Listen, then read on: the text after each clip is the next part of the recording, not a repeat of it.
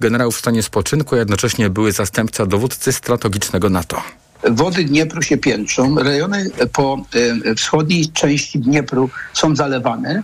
To jednocześnie służy dla to, to jest idiotyczne działanie, w ogóle bestialskie działanie, ale idiotyczne. Oni zalewają sobie swój teren, na którym się obecnie znajdują, ale to robią to w obawie przed tym, że ruszy ofensywa ukraińska właśnie w tym kierunku, żeby uniemożliwić. Ale drugim aspektem jest to, że to jest jakaś też chęć odwetu za to, co się stało pod Moskwą e, i w obwodzie białogrodzkim. Powiedział gość Agnieszki Ichnerowicz w audycji Światopodgląd. Od wielu godzin już trwa ewakuacja mieszkańców miejscowości objętych strefą zalania. Po południu prokurator generalny Ukrainy podał, że ewakuowanych jest 17 tysięcy osób. Mieszkańcy trafiają m.in. w okolice Lwowa, gdzie jest dziennikarka telewizji Espresso Lesia Wakuliuk, z którą w programie jeszcze się połączymy. Podsumowanie dnia w Radiu TOK FM. Mariusz Kamiński i inni byli szefowie CBA ponownie staną przed sądem w sprawie tzw. Tak afery gruntowej. To jest sprawa, w której w pierwszej instancji e, Kamiński e, e, i jego koledzy już usłyszał wyrok. Został skazany za przekroczenie uprawnień i nielegalne działania operacyjne Centralnego Biura Antykorupcyjnego. No i sprawa teraz wraca do ponownego rozpatrzenia, bo zdecydował tak dzisiaj Sąd Najwyższy, uznając, że ułaskawienie szefów CBA przez prezydenta nie było zgodne z prawem. Prawo łaski jako uprawnienie prezydenta Rzeczypospolitej Polskiej może być realizowane wyłącznie wobec osób, których winę stwierdzono prawomocnym wyrokiem sądu a w tym przypadku prezydent zdecydował o ułaskawieniu, zanim sąd drugiej instancji zdążył rozpatrzyć tę sprawę. Sąd Najwyższy y, uznał jednocześnie dzisiaj, że ostatni wyrok Trybunału Konstytucyjnego nie wywołuje żadnych skutków prawnych, a przypomnijmy, upolityczniony Trybunał pod przewodnictwem Julii Przyłębskiej uznał w ubiegły piątek, że prezydent miał prawo ułaskawić Kamańskiego jeszcze zanim został skazany. Y, korelacji pomiędzy tamtym a tym dzisiejszym wyrokiem nie widzi Anna Siedlecka, z Fundacji Wolne Społeczeństwo, która była w e, tej sprawie przed Sądem Najwyższym przedstawicielką strony społecznej.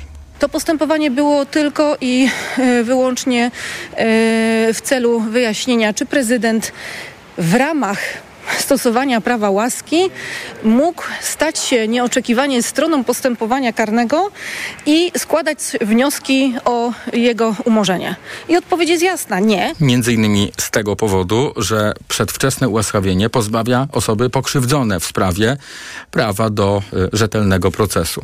Y, co w takim razie w sytuacji, gdy Kamiński i jego koledzy y, zostaliby prawomocnie skazani, odpowiada przedstawiciel oskarżyciela posiłkowego, mecenas Robert Marciniak to jest możliwość formułowania roszczeń cywilnoprawnych, ponieważ prawomocny wyrok skazujący wiąże sądy cywilne przy dochodzeniu roszczeń. E, roszczeń odszkodowawczych i zadośćuczynieniowych z tytułu szkód doznanych w związku z e, nielegalnością mm, działań operacyjnych prowadzonych w latach 2006-2007. Ministrowie Mariusz Kamiński i Maciej Wąsik zostali skazani w marcu 2015 roku na trzy lata więzienia.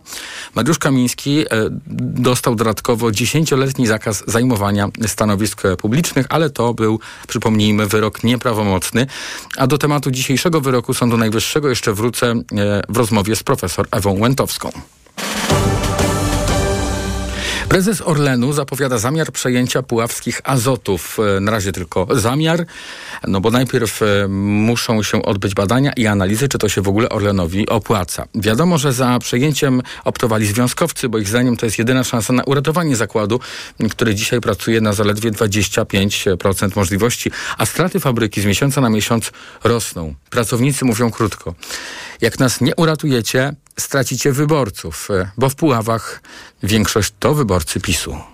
Puławy produkują nawozy. Dziś ten biznes nawozowy jest biznesem niestabilnym z powodu niestabilności wsadu, czyli niestabilności ceny gazu. Więc to jest z jednej strony. A z drugiej strony ja dopatruję się w tym przejęciu generalnie rozlicznych synergii. Te synergie już dawno powinny nastąpić. Jesteśmy grupą, która nie tylko zajmuje się produkcją, przerobem ropy, ale również po połączeniu z PGNiG-iem zajmujemy się i wydobyciem i generalnie uzyskaliśmy bardzo mocno mocne doświadczenie w zakresie zakupu również gazu. Również mamy rozwiniętą petrochemię, w związku z tym produkujemy różnego rodzaju półprodukty do produkcji nawozów. To są synergie operacyjne. Orlen jest takim jak gdyby naturalnym firmą do konsolidacji między innymi branży nawozowej, zwłaszcza, że jeszcze posiadamy część aktywów nawozowych, bo przecież posiadamy Anvil. Wielokrotnie pan podkreśla te badania i analizy. Może być tak, że ostatecznie do fuzji nie dojdzie?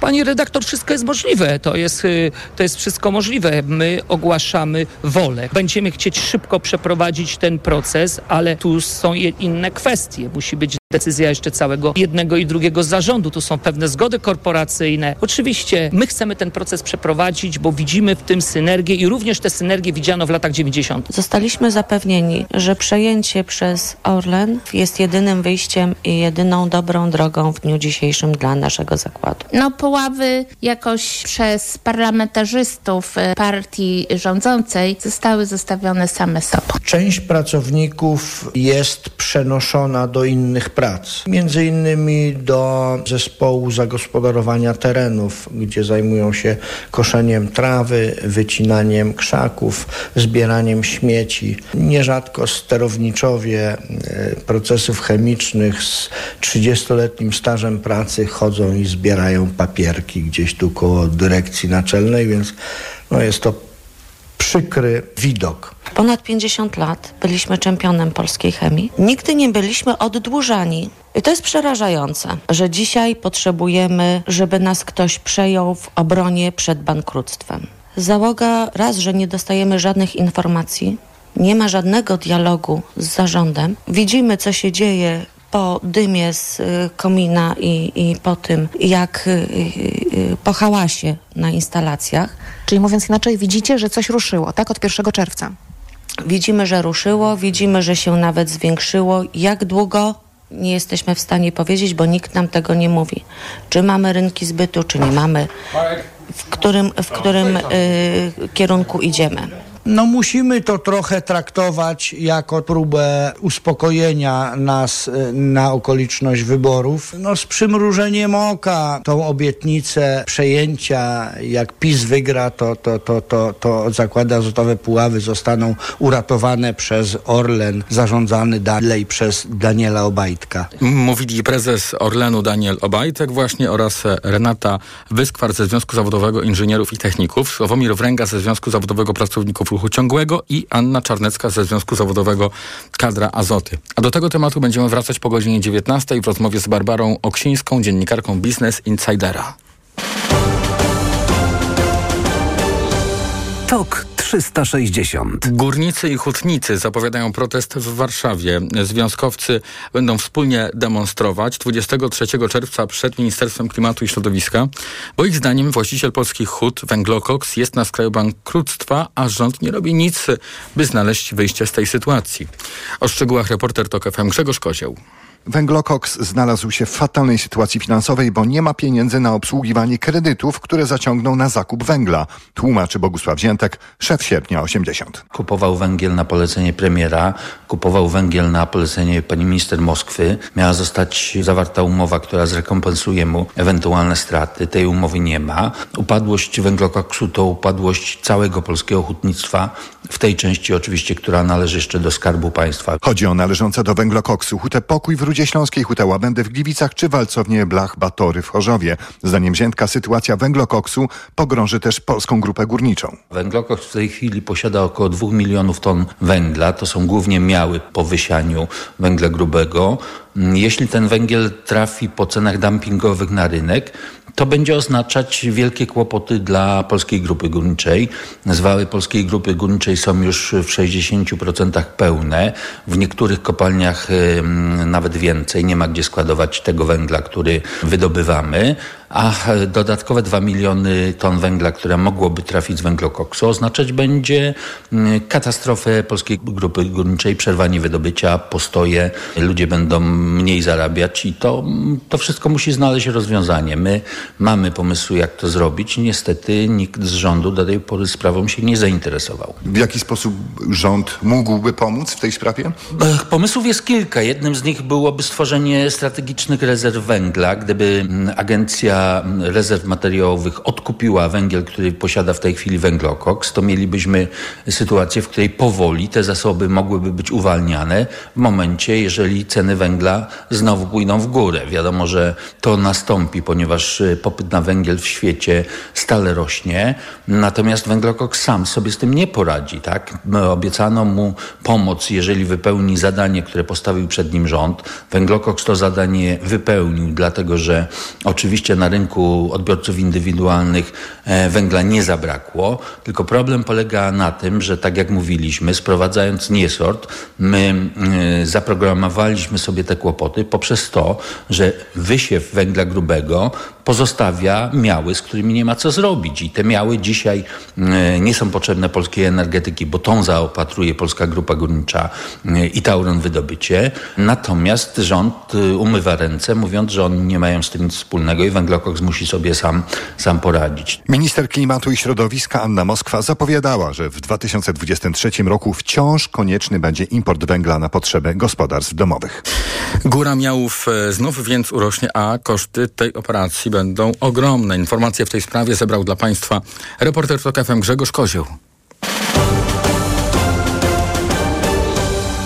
Organizacje działające na rzecz osób z niepełnosprawnościami wspólnie z Rzecznikiem Praw Obywatelskich apelują o poprawę dostępności do wyborów.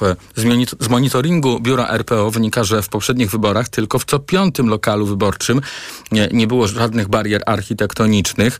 Konstytucja przyznaje natomiast każdemu obywatelowi prawo udziału w wyborach, podkreśla Rzecznik Praw Obywatelskich Marcin Wiącek. Tu nie tylko chodzi o respektowanie przepisów prawa, ale o taką też zwykłą ludzką empatię i potrzebę dostrzeżenia tego, że część wyborców powinna oddać głos w warunkach komfortowych, w warunkach odpowiadających ochronie godności człowieka. A ten apel skierowany jest do samorządów, które odpowiadają za organizację lokali wyborczy, wyborczych, ale także do instytucji państwowych, y, komitetów wyborczych, a także y, do mediów o przygotowanie takiej właśnie y, akcji informacyjnej dla osób z niepełnosprawnościami.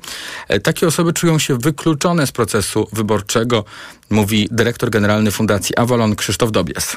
Dla osób z niepełnosprawnościami chęć skorzystania ze swojego prawa i oddania głosu to jest jednak jakaś walka. Dlatego, że muszą się zmierzyć z niedostosowaniem lokalu, z nieprzygotowaniem komisji wyborczej, z niedostosowaniem procesu wyborczego, ale także z tym, że dużo trudniej jest im się bardzo często odnaleźć w dyskursie politycznym. Co piąta osoba z niepełnosprawnościami deklaruje, że zdarzało się jej rezygnować z udziału w wyborach ze względu właśnie na swoją niepełnosprawność.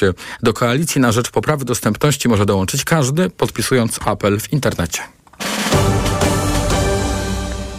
Ministerstwo Edukacji i Nauki dość nieoczekiwanie sfinansowało wydanie książki o zbrodni dokonanej przez Polaków na Ukraińcach. Chodzi o wydarzenia z 6 czerwca 1945 roku w Wierzchowinach na Lubelszczyźnie, gdzie zginęło prawie 200 osób. W dobie wszechobecnego zaprzeczania faktom historycznym przez władze, m.in. w sprawie relacji polsko-żydowskich w czasie wojny, to tym większe zaskoczenie, że to właśnie resort Przemysława Czarnka sfinansował wydanie książki doktora Mariusza Zajączkowskiego. Pan wydaje książkę w ramach grantu Ministerstwa Edukacji i Nauki. Książkę, w której wprost y, mówi się o tym, że Polacy dokonali wierzchowińskiej zbrodni na cywilach. Zginęło prawie 200 osób. Jak to możliwe, że właśnie taki grant y, z ministerstwa, które w tej chwili twierdzi, że tysiące Polaków, y, że rzesza Polaków ratowała Żydów? Ja złożyłem dokumenty, które były wymagane Przedłożyłem też maszynopis. Oczywiście nie był on cały, bo taki wymóg był, że musi być zaawansowany maszynopis, ale nieskończony i dostawało się jeszcze pół roku na dokończenie maszynopisu, potem procedura recenzyjna. Ale ten wstępny maszynopis, który przedłożyłem e, w ramach tego projektu do dofinansowania z ministerstwa pod tytułem Doskonała Nauka, e, został pozytywnie zaopiniowany przez e, nieznanych mi recenzentów. Być może z ministerstwa, być może zewnętrznych, co świadczy najwyraźniej o tym, że ktoś obiektywnie podszedł do, do zagadnienia i, i nie ulegał wpływom. Nie miał pan z tyłu głowy, na pewno nie dostanę tych pieniędzy? Powiem tak, Kiedy składałem ten wniosek, nie miałem cienia wątpliwości, że to, iż dostanę pieniądze z tego grantu, to może jest ułamek procenta szans. Kiedy otrzymałem informację, że są pozytywne recenzje i że jednak otrzymałem ten grant, to nie wierzyłem. Wydawało mi się, że, że jest to mało prawdopodobne, gdyż doskonale wiedziano, komu ten grant się przyznaje, bo to jest zwieńczeniem moich badań, które rozpocząłem w 2005 roku i prowadziłem z przerwami, e, badając. I to nie jest pierwsza książka. Znaczy, to nie jest pierwsza książka, ale o wierzchowinach to jest pierwsza mhm. książka, e, która jest e, zwieńczeniem moich badań sprzed lat i uzupełnieniem o, o nowe kwerendy i nowe, nowe, nowe, nowe Bo były też artykuły. Był jeden artykuł, był artykuł recenzyjny z książki e, kolegów z IPN-u, którzy, kolegów apologetów Narodowych Sił Zbrojnych, którzy, co pokazuje w swojej książce, dokonywali skandalicznych manipulacji na źródłach, dokonywali mistyfikacji po prostu. Trudno mi ich nazwać historykami. To są propagandziści, którzy gumkowali z dokumentów treści, które nie pasowały do z góry założonej tezy, a ta teza brzmiała, że zbrodnia w Wierzchowinach została popełniona przez wszystkich, ale nie przez NSZ. Więcej o tym wszystkim na tokafm.pl, a całej rozmowy Anny Gbiterek-Zabłockiej z doktorem Mariuszem Zajączkowskim, autorem książki o zbrodni w Wierzchowinach, posłuchają Państwo na tokafm.pl ukośnik problem. Podsumowanie z dnia w Radiu Tok FM, za chwilę Ekonomia 360. Sejm przyjął haniebną ustawę, która łamie standardy demokratycznego państwa, która łamie konstytucję. Ma być miejscem, czasem szczucia na ludzi, którzy nie będą mieli się prawa bronić przed sądami. Podpis prezydenta pod bolszewicką, a ja bym ją nazwał putinowską ustawą zmienia sytuację polityczną w Polsce i my musimy wszyscy dzisiaj pokazać, po pierwsze, że PiSowi nie uda się zamach na polską wolność, PiSowi nie uda się ustawianie sceny politycznej pod siebie. Ta komisja ma trzy miesiące przedstawić raport. Kto z nas chce zrobić durniów? Będą działać szybko, będą tylko szukać pseudozasadnień do tego, żeby próbować wykluczyć liderów opozycji, przede wszystkim Donalda Tuska, z wyborów. Złamali i dobre obyczaje, i fundamentalne zasady demokracji, ze strachu przed utratą władzy, ze strachu przed odpowiedzialnością po przegranych wyborach. Było 100 powodów, żeby wyjść na ulicę i protestować przeciwko temu, co się dzieje w Polsce. To jest to pierwszy powód, równie poważny jak poprzednie. Radio TOK FM. Pierwsze radio informacyjne. Posłuchaj. Aby zrozumieć. TOK 360. Punktualnie 18.20 na zegarach to czas na ekonomiczne podsumowanie dnia. Sponsorem audycji Ekonomia 360 jest Unum Życie, Towarzystwo Ubezpieczeń i Reasekuracji SA www.unum.pl. Ekonomia 360. Wojciech Kowalik. Stopy procentowe bez żadnych zaskoczeń i bez żadnych zmian. Tak zdecydowała dziś Rada Polityki Pieniężnej. Eksperci są zgodni. Na pierwszą obniżkę stóp ciągle jest za wcześnie, choć taki ruch od tygodni sugerują członkowie RPP i szef Narodowego Banku Polskiego. O szczegółach Tomasz Set. Dopóki inflacja w Polsce będzie dwucyfrowa, to opowieści o obniżce stóp można włożyć między bajki, mówi Monika Kurtek, główna ekonomistka Banku Pocztowego. Słuchając y, różnych głosów Rady Polityki Pieniężnej widać, że ta chęć do obniżenia stóp jest dosyć duża, tak? Tylko muszą zaistnieć te warunki. Wydaje się, że ten moment, kiedy właśnie inflacja zejdzie do jednocyfrowego poziomu, to może być ten moment. Ekonomista dr Marcin Mrowiec dodaje, że dużo ważniejsze od decyzji RPP będzie m.in. to, co powie w tym tygodniu szef Narodowego Banku Polskiego. Pytanie, jaki będzie, jaki będzie przekaz, jaki będzie komunikat od Rady? Czy on będzie spójny z tym, co, co, co było mówione ostatnio, czy też tutaj dojdzie do jakiegoś zwrotu akcji? Na razie główna stopa NBP to już od niemal roku niezmiennie 6% i 75 setnych. Tomasz Setta, TOK FM. Stopy procentowe bez zmian to bez zmian bardzo wysokie raty kredytów, a z drugiej strony powoli, ale konsekwentnie banki obniżają ofertę oprocentowania lokat, mimo że stopy stoją w miejscu. Banki już nie dopisują tak chętnie odsetek do naszych oszczędności, choć jeszcze pojawiają się oferty na 10%, obarczone zresztą szeregiem dodatkowych warunków do spełnienia, mówił w raporcie gospodarczym TOK FM Jarosław Sadowski, analityk Expandera. Tak wysokie stawki to są jednak lokaty promocyjne, gdzie no nie tylko wpłacamy, ale musimy spełnić pewne warunki, ale jak spojrzymy na całość rynku, to jednak się okazuje, że te stawki spadają, więc y, pojawiło się kilka dobrych ofert, ale w kwietniu to oprocentowanie średnie wyniosło 5,7%. Dla porównania w grudniu to było 6,25, więc widać, że jednak tak średnio na rynku to oprocentowanie powoli zaczyna spadać i obawiam się, że y, no ono będzie jednak coraz niższe, zwłaszcza przy długich okresach, no bo jednak zbliża się już ten moment powoli, y, kiedy zobaczymy tą pierwszą obniżkę stóp procentowych i te długoterminowe lokaty no powoli zaczynają już to uwzględniać w swoim oprocentowaniu. Żadna lokata wciąż nie uchroni naszych pieniędzy przed utratą wartości spowodowaną inflacją. Radio Tok FM, pierwsze radio informacyjne. Bezrobocie konsekwentnie się obniża w maju do 5,1%, podaje Ministerstwo Rodziny i Polityki Społecznej. W urzędach pracy zarejestrowanych jest nieco ponad 800 tysięcy osób, a to oznacza, że w miesiąc z rejestrów zniknęło prawie 20 tysięcy bezrobotnych. Jeszcze w kwietniu bezrobocie sięgało 5,2%. Branża gastronomiczna dochodzi do szczytu możliwości podnoszenia cen, żeby zapewnić sobie rentowność, mówił w TOK FM Jacek Czauderna, prezes Izby Gospodarczej Gastronomii Polskiej. O ile restauracje w miejscowościach turystycznych w miarę sobie radzą, to tam, gdzie turystów nie ma, sytuacja jest coraz trudniejsza. Brakuje gości, którzy w kryzysie kosztów życia tną wydatki gdzie się da, a wysokie ceny czynszów, energii i żywności wykańczają biznes. My nie możemy podnosić cen naszych usług y, wprost proporcjonalnie do, do podwyżek, do, do inflacji, ponieważ y, ja powiem szczerze, no dzisiaj kawa, herbata powinna kosztować 20 zł, żeby gastronomia była dochodowym biznesem, ale kto wtedy takie restauracje odwiedzi? Marża, w której musimy zmieścić y, i czynsz, i media, i koszty pracowników, którzy pracują 7 dni w tygodniu, w nienormowanym czasie pracy i koszty zakupu produktów musi być minimum 70%, dlatego żeby gastronom mógł mieć zysk na poziomie 5, 7, czasami do 10% netto. Dlatego restauratorzy apelują do rządu, żeby na usługi gastronomiczne wprowadził jednolitą stawkę 5% VAT. Dopłaty do rowerów elektrycznych, tak jak do samochodów zasilanych prądem, to postuluje Polskie Stowarzyszenie Rowerowe i zbiera podpisy pod obywatelskim projektem nowelizacji ustawy o elektromobilności. Zdaniem stowarzyszenia niesprawiedliwe zasady dopłat powinny się zmienić.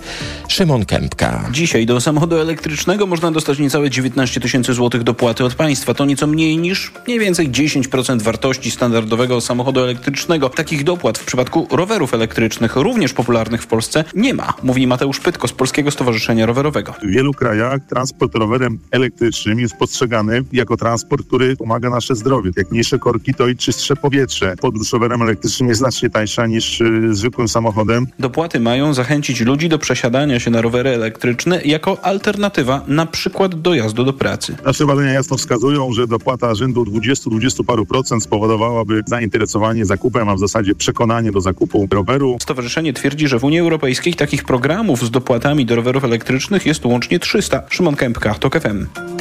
Złoty bez większych emocji przyjął dzisiejszą decyzję Rady Polityki Pieniężnej. Euro kosztuje 4 zł 48 groszy, frank po 4,61, dolar 4,19, funt po 5,20. A na warszawskiej giełdzie wyraźnie w górę WIG o 1,4%, WIG 20 o 1,7%. Ekonomia 360. Sponsorem audycji Ekonomia 360 jest Unum Życie, Towarzystwo Ubezpieczeń i Reasekuracji SA www.unum.pl. Pogoda. Jutro słonecznie w całej północnej Polsce, burze natomiast możliwe w centrum i na południowym wschodzie, a na termometrach e, nawet 28 stopni w Warszawie. To już prawie upał, 25 we Wrocławiu, 24 stopnie w Łodzi, a w Trójmieście tylko 19. Radio TOK FM. Pierwsze radio informacyjne. TOK 360. Za chwilę połączymy się z profesor Ewą Łętowską, sędzią Trybunału Konstytucyjnego w stanie spoczynku, a jednocześnie byłą rzecznik praw obywatelskich, którą będę pytał o sprawę m.in. Mariusza Kamińskiego. Dzisiaj Sąd Najwyższy e, zdecydował, że ta sprawa wróci do ponownego rozpatrzenia, mimo że prezydent przedwcześnie postanowił Kamińskiego łaskawić. Szczegóły już za chwilę. Reklama. Uwielbiam to uczucie. Chciałabym, żeby trwało bez końca. Tak wyjątkowo czuję się tylko w Lexusie UX. Stylowy crossover Lexus UX otula mnie komfortem i imponuje najnowocześniejszymi technologiami. Teraz Lexus UX już od 139 500 zł. Szczegóły na lexusmyślnikpolska.pl Lexus. Elitarny w każdym wymiarze. Dlaczego zmieniłam tabletki na wątrobę i stosuję Proliver Cardio? Bo poprzednie tylko chroniły wątrobę, a Proliver Cardio również stymuluje pracę układu pokarmowego. Proliver nie tylko wspomaga wątrobę, ale również wspiera odtruwanie. I dodatkowo Proliver Cardio wspiera zdrowe serce. Suplement diety Proliver Cardio. Zdrowie wątroby i serca. Dostępny również Proliver plus Magnes. Aflofarm. Wyciąg z liści karczocha wspiera funkcjonowanie przewodu pokarmowego, wątroby, wydzielanie soków trawiennych oraz detoksykację organizmu. Wyciąg z ostryżu długiego wspiera funkcjonowanie serca. Co dalej z inflacją, kosztami życia, stopami procentowymi, wynagrodzeniami i programami socjalnymi? Sprawdź na biznesinsider.pl. Biznes Insider. Opłaca się wiedzieć. Siedzi w upale Kasia szczęśliwa. Choć jest gorąco, pot z niej nie spływa. Perspi Block Forte Kasia stosuje, a więc poceniem się nie przejmuje. Suplement diety Perspi Block Forte. Tabletki o wysokiej dawce wyciągu z liści szałwi lekarskiej. Dostępne w aptekach. Plamy pod pachami nie będą kłopotem. Weź Perspi Block Forte i nie martw się potem. Działanie wynika ze składnika produktu. Szałwia lekarska przyczynia się do utrzymywania prawidłowego procesu pocenia. Aflofarm. Czarny kot. Uff, poszedł dalej. Mamy dziś wyjątkowe szczęście. Nie tylko dzisiaj. Trzy dni tańszych zakupów na Allegro mają. Tylko do środy łap okazji aż do minus 40% na Allegro Days. Allegro, nasz najkorzystniejszy sklep. Reklama. Tok 360. Mariusz Kamiński i inni byli szefowie CBA ponownie staną przed sądem w sprawie tzw. Tak afery gruntowej. E, to po dzisiejszej decyzji Sądu Najwyższego, który skierował sprawę do ponownego rozpatrzenia. Sąd e, uznał, że e, panowie nie mogli zostać ułaskawieni przez prezydenta Andrzeja Dudę przez prawomocnym, przed prawomocnym wyrokiem, wbrew temu, co ogłosił w piątek w swoim orzeczeniu Trybunał Konstytucyjny. Moim i Państwa gościem jest teraz profesor Ewa Łętowska, sędzia Trybunału Konstytucyjnego w sprawie w stanie spoczynku, była rzecznik Praw Obywatelskich. Dzień dobry, witam w Radiu Tok FM. Witam. I na początek chciałem Panią poprosić właśnie o komentarz do tego e, wyroku e, w kontekście e, tego piątkowego wyroku. Jak Pani na to patrzy? W momencie, kiedy pan prezydent przed kilkoma laty ułaskawił osoby, które były jeszcze w, trakcie rozpatrywania sprawy niezakończonej wyrokiem prawomocnym sądowym, pan prezydent powiedział, że chce wyręczyć sądy. I dlatego zastosował prawo łaski. Otóż nie ma żadnych wątpliwości, że pan prezydent może stosować prawo łaski wedle własnego uznania i kiedy wtedy, kiedy kieruje się jakimi motywami, to jest jego rzecz. Tyle tylko, że w momencie, kiedy dotyczy to osoby, która jest w trakcie postępowania sądowego, czyni to przedwcześnie. I cała sprawa miała u swojego podłoża właśnie wątpliwości dotyczące tego, czy aby pan prezydent się nie pośpieszył zanadto, wyręczając sądy. W Konstytucji mamy podział władz na władzę ustawodawczą, wykonawczą i sądowniczą. Preambuła konstytucyjna mówi, że wykonywanie podziału władz wymaga współdziałania władz. A zatem, jeżeli są jakieś wątpliwości, to raczej należy je tłumaczyć w taki sposób, żeby nie uszczuplać y, kompetencji tych podmiot, tych y, władz, y, w stosunku do których ktoś sobie rości możliwość wkroczenia. Zatem to rozstrzygnięcie Sądu Najwyższego, teraz to, które nastąpiło, jest y, tylko konsekwencją wyciągnięcia ostatecznych wniosków z przepisów Konstytucji o podziale władz. I Trybunał i, i y, Sąd Najwyższy uznał, że w tej sytuacji orzeczenie, uwaga, Trybunału Konstytucyjnego, który w międzyczasie potwierdził prerogatywę prezydenta do wykonywania y, prawa łaski ma wszelako ograniczenie w samej konstytucji. I do tego sprowadza się cały problem. Mhm. A proszę powiedzieć, co ta sprawa w ogóle mówi nam o, o, o prawie łaski? No bo e, dzisiaj po wyroku prawo Sądu Najwyższego... Prawo łaski jest prerogatywą prezydenta. To znaczy, prezydent nie musi się tłumaczyć z tego, jakimi względami się kieruje. Nie musi e, specjalnych, zachowywać jakichś specjalnych procedur, na przykład wynikających z innych ustaw, ale jest skrępowany konstytucją. A z konstytucji wynika, że sprawowanie wymiaru Sprawiedliwości jest wyłączną podkreślam, wyłączną kompetencją konstytucyjną trzeciej władzy, czyli sądownictwa. I w tym zakresie pan prezydent, tak jak wszystkie władze, podlega konstytucji, a więc podlega temu ograniczeniu. W związku z tym pan prezydent może wszystko, ale poza tym, że nie może wkraczać w kompetencje sądu.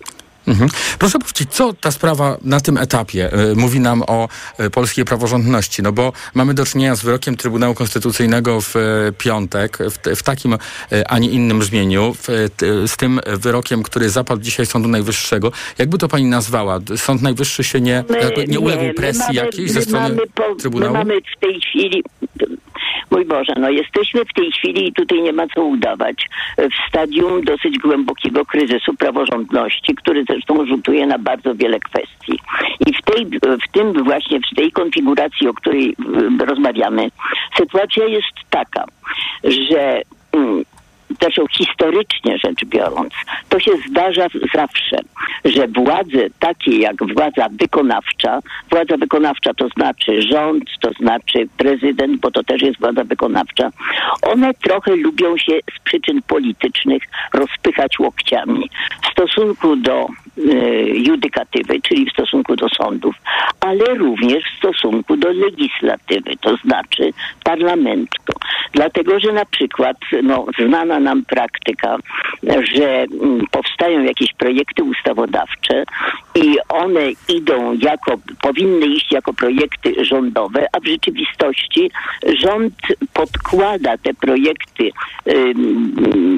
grupie posłów, żeby ona je wnosiła jako własne. Egzekutywa lubi się chować, lubi się ukrywać, lubi się rozpykać łokciami kosztem innych władz. I właśnie ta sytuacja, o której mówimy, jest przykładem tego rodzaju właśnie rozepchnięcia się. Dlatego, że wolno władzom konstytucyjnym wszystko, z wyjątkiem tego, na co im zezwala, nie zezwala konstytucja. A teraz co do orzeczenia Trybunału Konstytucyjnego. W gruncie rzeczy, no cóż, ja przedstawiam to rozumowanie, które uważam, które mi dyktuje moja wiedza i moje umiejętności w zakresie y, interpretacji prawa i tego, co ja o prawie wiem. Jeżeli chodzi o Trybunał Konstytucyjny obecnie, no nie znajduje się on w kwitnącej formie z różnych przyczyn, dlatego że u nas niestety polityka wmieszała się w sprawy, które nigdy nie powinny akurat o politykę zatrącać. I kryzys e, praworządnościowy, z którym mamy do czynienia, właśnie między innymi na tym polega. Dlatego też to, co przedstawiłam, ta wykładnia konstytucji zgodna z moją najlepszą wiedzą i umiejętnościami, wydaje mi się, powinna przemawiać przeciw rozstrzygnięciu, które wyemitował nie tak dawno Trybunał Konstytucyjny. Wracając jeszcze na chwilę do samego prawa łaski, e, e, co, co wynika dla obywateli jakby z, z, tego dzisiejszego wyroku także, no bo w, nie można przedwcześnie kogoś e, ułaskawić, choćby z tego względu, że pokrzywdzeni w jakiejś określonej sprawie mają prawo też do sprawiedliwego procesu, do rzetelnego procesu i ułaskawienie może nastąpić dopiero jak już zapada wyrok. To prawda w ich interesie jest również. Co by pani tutaj powiedziała? Akurat o tym wspomina, to wspomnijmy, jaka była konfiguracja w tej konkretnej sprawie. Tam chodziło o to, że byli e, skazani w postępowaniu karnym e, funkcjonariusze państwowi e, i jednocześnie funkcjonariusze państwowi byli jednocześnie stronami postępowania były osoby trzecie, te, które były w jakiś sposób też poszkodowane w tej sprawie. W związku z tym interesy tej grupy nie były jednakowe. E, Prawo łaski dotknęło tutaj dwójki funkcjonariuszy, a to dlatego, zresztą tak się śpieszono, że powstawał nowy rząd i osoba skazana nie mogłaby mm, być e, e, mianowana ministrem. O to chodziło. I dlatego prawdopodobnie pan prezydent przyspieszył swoje działania i nie wyczekał do momentu, kiedy mógł to zrobić zupełnie sp- spokojnie, bez żadnych problemów, kiedy zapadłby wyrok, a zresztą mógł być wyrok też uniewinniający. Natomiast osoby, które były zainteresowane w uzyskaniu rozstrzygnięcia, czyli osoby poszkodowane w sprawie, na skutek działania sądu y, okręgowego, który umorzył postępowanie dlatego, że mm, y, było, było udzielone prawo łaski w stosunku do sprawców tej afery gruntowej, y, zostały pozbawione możliwości uzyskania wyroku sądowego. Więc w związku z tym e, to rozstrzygnięcie mm, pana prezydenta korzystne dla sprawców przestępstwa urzędniczego było głęboko niekorzystne i to z przyczyn konstytucyjnych, dlatego że pozbawiono możliwości uzyskania wyroku sądowego dla osób poszkodowanych w tej sprawie. Dlatego ta sprawa ma podwójny aspekt konstytucyjny. Nie tylko naruszenie podziału władz, ale również pozbawienie obywateli y, y, możliwości skorzystania z prawa do sądu. I w tym zakresie jest odpowiedź na Pana pytanie. Y, Rozstrzygnięcie Sądu Najwyższego umacnia gwarancję dla obywateli, że ich sprawa przetoczy się przez wszystkie instancje sądowe. No i stąd wyrok, e, sprawa trafia do ponownego rozpatrzenia. Bardzo dziękuję za ten komentarz. Profesor Ewa Łętowska, sędzia Trybunału Konstytucyjnego w sprawie stanie spoczynku, była Rzecznik Praw Obywatelskich. A już za chwilę połączymy się z Lesią Wakuliuk, ukraińską dziennikarką, która opowie nam o tym, jak wygląda e, ten proces ewakuacji z zalanych terenów w Ukrainie w okolice Lwowa. Reklama. Let's go! Red Friday w MediaMarkt. Letnia edycja Black Friday. Teraz ekspres automatyczny Philips Latte Go za 2899 zł. Taniej o 100 zł. Minimalna cena z ostatnich 30 dni 2999 zł. A czarna lodówka Samsung No Frost 185 cm wysokości za 1999 zł. Taniej aż o 550 zł. Minimalna cena z ostatnich 30 dni 2549 zł. MediaMarkt. Chcesz powiedzieć im, ściszcie ten telewizor, tata próbuje się zdrzemnąć. Ale zaraz, przecież jesteście w hotelu Nowotel. Możecie zamówić przekąski i urządzić wieczór filmowy w drugim pokoju. Gdy jesteś w hotelu Nowotel, mniej w tobie matki, a więcej mamy. Skorzystaj z rabatu 50% na drugi pokój podczas rodzinnego pobytu. Dowiedz się więcej na nowotel.com. Obowiązuje regulamin. Kaśka, to ty? Tak. Ale schudłaś. Stosujesz jakąś dietę? Nie, stosuję tabletki na wątrobę Hepa Slimin. Zobacz, wątroba spisuje się wspaniale i jem wszystko, choćby czekoladę. Widzę, że Hepaslimin wspomaga też utrzymanie smukłej sylwetki. To tylko taki słodki dodatek. Przecież ja nie muszę się odchudzać. Pewnie, że nie. To ja też będę brać Hepaslimin. Chcesz mieć słodkie życie bez diety? Chcę mieć zdrową wątrobę. Suplement diety Hepas Limin w trosce o wątrobę i smukłą sylwetkę. Mate pomaga w utrzymaniu prawidłowej masy ciała, a cholina wspiera funkcjonowanie wątroby. Aflofarm. Wiktor Zborowski przedstawia słownik dla tatów. Tato oznacza prośbę. Tato oznacza, że w szkole coś nie wyszło. Tato, tato, tato oznacza, że wyszło. A tato oznacza, że dziecko chce się przytulić.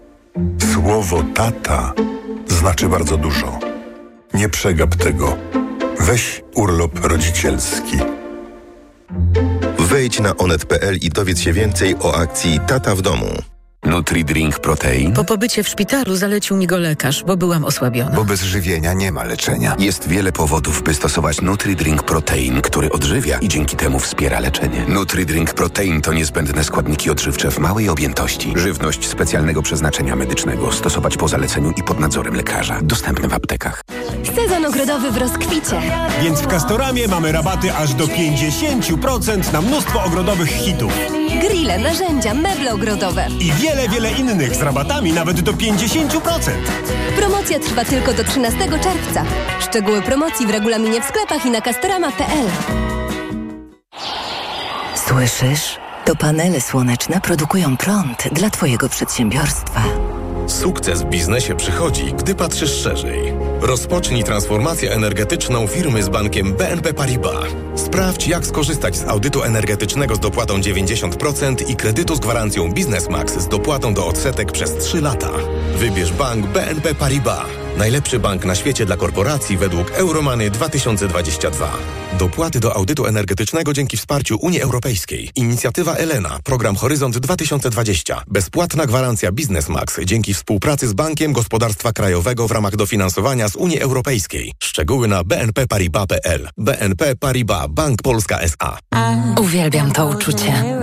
Chciałabym, żeby trwało bez końca. Tak wyjątkowo czuję się tylko w Lexusie UX. Stylowy crossover Lexus UX otula mnie komfortem i imponuje najnowocześniejszymi technologiami. Teraz Lexus UX już od 139 500 zł. Szczegóły na lexusmyślnikpolska.pl Lexus. Elitarny w każdym wymiarze. Reklama. TOK 360. Wielka zapora na Dnieprze w Nowej Kachowce została wysadzona w powietrze. W strefie zalania znalazło się 80 miejscowości. W tej chwili trwa y, ewakuacja i w tej sprawie łączymy się z Lesią Wakuliuk, dziennikarką i prezenterką ukraińskiej telewizji Espresso. Dzień dobry, witam w Radiu TOK FM. Dzień dobry. Wiemy witam. o tym, że 17 tysięcy osób ma być ewakuowanych y, y, w ramach tej akcji. Y, Wielu z nich przyjedzie w okolice Lwowa. Co wiemy na temat tej akcji z Pani punktu widzenia, bo Pani jest w Lwowie? E, No właśnie e, są kilka pociągów takich ewakuacyjnych i nie tylko do Lwowa, do różnych miast Ukrainy trafiają te ludzie z Hersonia, z, obwodu, hersońskiego, ale ludzie z tak, te, te, terytorium które znajdują się pod kontrolą Ukrainy, a jeszcze dużo ludzi zostaje też po stronie, tej stronie, gdzie terytorium okupowane przez Rosjanów i co tam się dzieje, no informacji jest nie za dużo. E, oczywiście, że ludzie przyjadą tutaj i, i oczywiście, że będą im jak, jakoś ukaz- nadawać jakąś pomoc, e, jakieś mieszkanie, bo woda e, może być przez jakiś czas, może 10 dni, a może nawet miesiąc. I oczywiście, że domy niektórych ludzi będą zniszczone. Już e, teraz są zniszczone domy, są domy, które po prostu potopione pod wodą w, i oczywiście, że po tych domach nic nie zostanie. A proszę powiedzieć... z jakiego roz, ro- rodzaju, z jakiego, y, jak, jakimi rozmiarami katastrofy, w tym katastrofy ekologicznej, tutaj mamy do czynienia, bo od jesieni już mowa była o tym, że Rosjanie mogą wysadzić tę tamę. Teraz to się e, niestety e, ziściło. E, czy e, okolice e, tej tamy to w tej chwili jest e, właśnie jakiś taki ogromny obszar zalanych miejscowości, które w całości są pod wodą. Wiemy, że Hersoń częściowo tylko. Jak by pani to opisała? E, Herson częściowo mówił o tym, że 80 e, miast i wsi będzie pod wodą. E, Obwód hersoński to, to był obwód, w którym było dobrze rozwinione rolnictwo, ponieważ tam dobrze czarnoziomy. I teraz mówią o tym, że po prostu na jakiś czas można zapomnieć o rolnictwie i o wznowieniu spraw rolniczych w obwodzie hersońskim. Także skala tych zniszczeń, skala e, tego, co zrobili Rosjanie, to nie tylko genocyd, ale i ekocyd, e, zniszczone, e, potopione też jakieś krowy, zniszczony po prostu pod wodą okazał się w Nowej Kachowce zoo, w którym zmarło około 300 zwierząt. E, i uratowali się chyba łabędzie i kaczki. Mhm.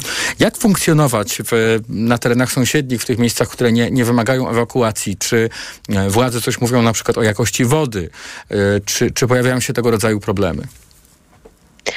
No właśnie mówię o tym, że, że trzeba zabezpieczyć e, ludzi dookoła e, wodą do picia i będą jakieś problemy, nie tylko w Chersoniu, ale na przykład w obwodzie dniepropietrowskim czy w obwodzie zaporożskim. Także coś tam robią. Mówią o tym, że mieli plan e, jeszcze od czasu, kiedy Rosjanie zaczęli mówić o tym, że wysadzą w powietrze tą zaporę, a wiadomo, że E, została ta mm, zapora na, e, w Kachowskiej Elektrowni Wodnej jeszcze w kwietniu zeszłym roku. Także powiedzieli, że mają plan i jakoś działają odnośnie tego planu. Dużo wolontariuszy teraz wyjeżdżają w stronę mm, Hersonia, wodu hersońskiego e, i, i coś robią, ale no oczywiście nawet gdy jest, istnieje jakiś plan na na to, że co robić w takiej sytuacji, gdy, gdy coś takiego się wydarzy, no to nawet w, takim, nawet w takiej sytuacji to też są zask ludzie zaskoczeni w tym wszystkim, co się, co się wydarzyło. Bardzo dziękuję. Lesia Wakuliuk, dziennikarka i prezenterka ukraińskiej telewizji Espresso, e, ale już e, za chwilę, mimo że pojawi się nowy rozmówca, to nie zmienimy tematu, bo e, już, już dziękuję pani redaktor za udział w programie. Zaprosimy do rozmowy już za chwilę Marcina Samsela, eksperta do spraw bezpieczeństwa i zarządzania kryzysowego właśnie pod tym względem, jak to zarządzanie kryzysowe w Ukrainie w tej chwili może wyglądać.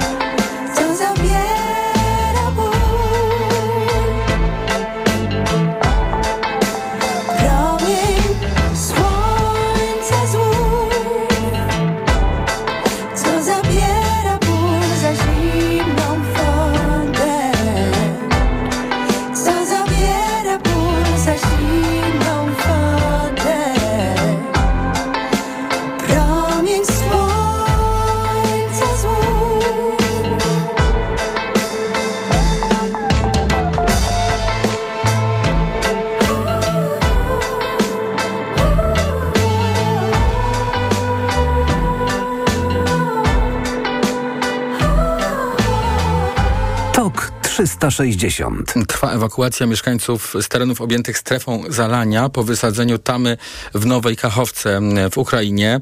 Ewakuacja ma obejmować 17 tysięcy osób. O tym, jak duża to jest operacja, teraz będę rozmawiał z Marcinem Sanselem, ekspertem do spraw bezpieczeństwa i zarządzania kryzysowego z Wyższej Szkoły Administracji Biznesu w Gdyni. Dzień dobry, witam w Radiu Tok FM. E, dzień dobry, witam serdecznie. To może na początek powiedzmy e, o tym, z jak dużą katastrofą teraz mierzą się w ogóle Ukraińcy. No, z bardzo dużą katastrofą, jak się szacuje, zagrożonych jest około 60 tysięcy ludzi. E, I mówimy tutaj tylko o ludziach, ale proszę pamiętać, że to są też zwierzęta i olbrzymie straty materialne, które mogą nastąpić i ludzie, którzy tak naprawdę ucierpieli już e, niejednokrotnie z powodu tej wojny. E, dzisiaj tak naprawdę mogą stracić też swój dobytek poprzez e, no, po prostu zmiecenie przez wodę olbrzymią wodę. Ukraińcy podają, że ta ewakuacja odbywa się w ogóle pod prowadzonymi wciąż ostrzałami ze strony e, wojsk rosyjskich. E, jak pan w, w, takim razie w ogóle wyobraża sobie możliwość prowadzenia działań przez służby kryzysowe? Na tak olbrzymim terenie, na którym powstało to rozlewisko i poziom e, Dniepru się podniósł, tak naprawdę to w, w normalnych warunkach byłaby bardzo ciężka ewakuacja. E, natomiast to, co zrobili Rosjanie, oni faktycznie zaatakowali parę godzin temu, rozpoczął się atak e, i atak bardziej ostrzał artyleryjski tych pozycji, również z broni rakietowej, z artylerii rakietowej.